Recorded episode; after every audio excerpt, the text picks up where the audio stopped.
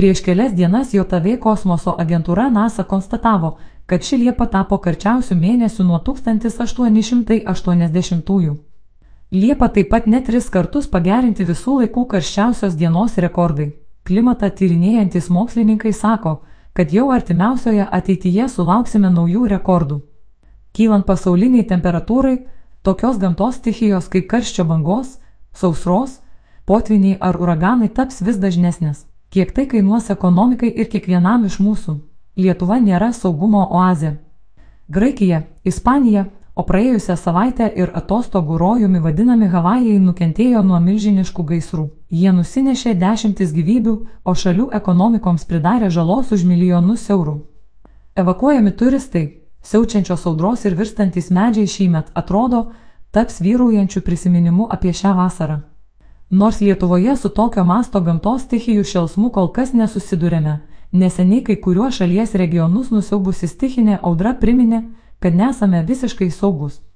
Iš dangaus krentantis ledo gabalai suvarpė namų stogus, apgadino automobilius, sunaikino derlių, o dalis savivaldybių buvo priverstos paskelbti ir ekstremalią situaciją.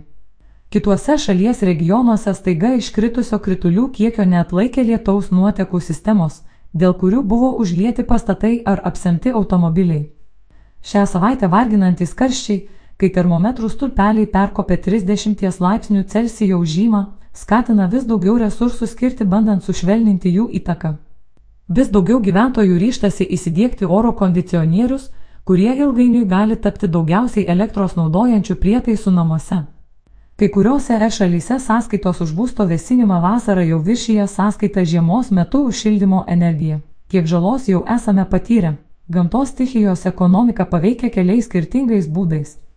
Pirmiausia, tai yra tiesioginė žala pastatams, miestų infrastruktūrai, laukuose auginamoms maisto kultūroms.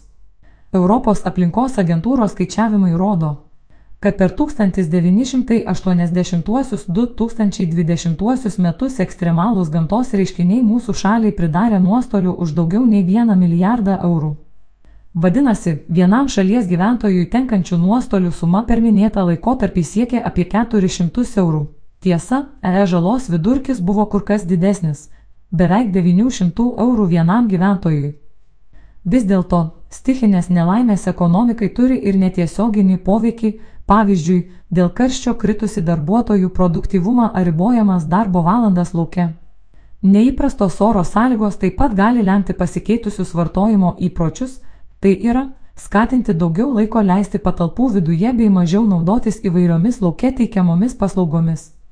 Galiausiai vis daugiau lėšų tenka nukreipti būsto ir infrastruktūros pritaikymui prie intensyvaus karščio ar kritulių kiekio. Kadangi Lietuva yra pakankamai atvira ekonomika, čia greitai galime pajusti įvairius pasaulinius pokyčius. Pavyzdžiui, dėl karščio bangų sumažėjęs kavos derlius Brazilijoje ar Kolumbijoje prisideda prie brangesnės kavos ir Lietuvoje.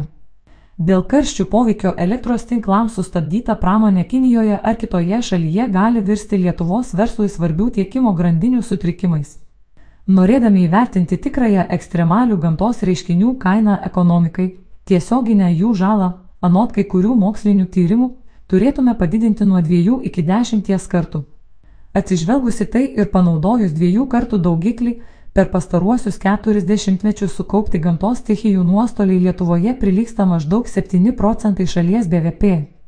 Stichijų kaina Lietuvai - 200 milijonų eurų per metus. Stichinių gamtos reiškinių sukeliami nuostoliai pasaulio ekonomikai kasmet didėja, o neigiamas jų poveikis ateityje gali dar labiau apriboti ekonomikos augimą.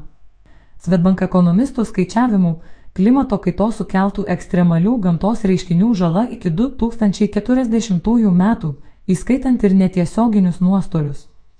Lietuvoje beveik padvigubės ir pasieks maždaug 200 milijonų eurų per metus. Tai reiškia, kad vienam gyventojui tenkančių gamtos stichijų nuostolių suma sudarys apie 70 eurų per metus.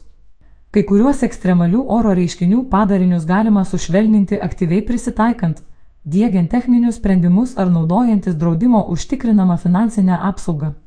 Nepaisant to, tai reikalauja papildomų išlaidų.